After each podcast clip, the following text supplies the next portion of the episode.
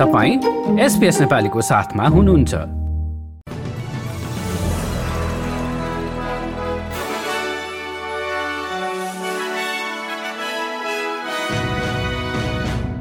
नमस्कार। आज बिहिबार उन्नाइस अक्टोबर सन् दुई हजार तेइस। अब पालो भएको छ एसपिएस नेपालीमा। आजको संक्षिप्त अस्ट्रेलियन समाचार सुन्ने।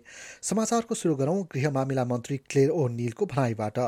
इजरायल र गाजा स्ट्रिपबाट अस्ट्रेलियनहरूलाई सुरक्षित रूपमा घर फिर्ता ल्याउने काममा अस्ट्रेलियन बोर्डर फोर्सले गरेको कामको गृह मामिला मन्त्री क्ले ओ निलले प्रशंसा गरेकी छिन्। बिहिबार पनि तेल अभिवबाट अस्ट्रेलियनहरूलाई लिएर अर्को विमान उड्ने भएको छ। गृह मामिला विभागको सम्पर्कमा आएका हालसम्म पन्ध्र सय अस्ट्रेलियनहरूले द्वन्द्वग्रस्त क्षेत्र छाडिसकेका छन्।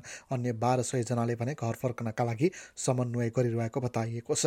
यता अमेरिकी राष्ट्रपति जो बाइडेनले इजिप्टका राष्ट्रपति अब्देल फता एलसिसीसँग फोनमा कुरा गरेपछि इजिप्टले मानवीय सहायताका लागि सीमा खोल्ने बताएको छ। यता अस्ट्रेलियामा भने मस्जिद एवं विभिन्न धार्मिक विद्यालयहरूमा सुरक्षाका लागि सरकारले बजेट छुट्याएको छ।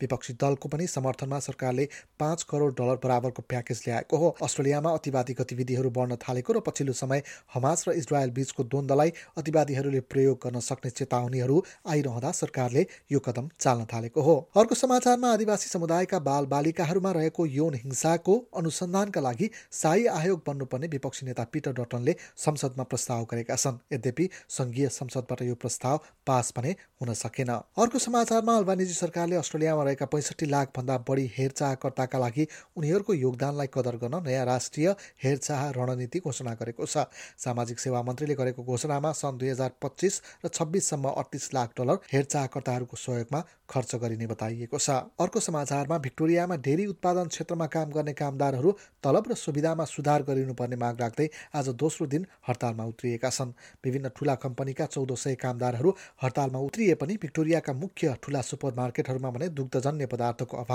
नभएको बताइएको छ।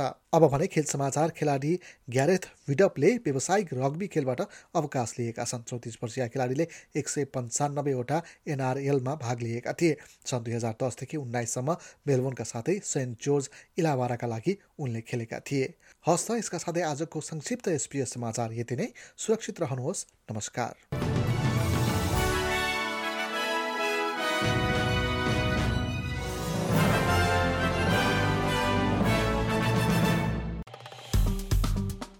लाइक र कमेन्ट गर्नुहोस्। एसपिएस नेपालीलाई फेसबुकमा साथ दिनुहोस्।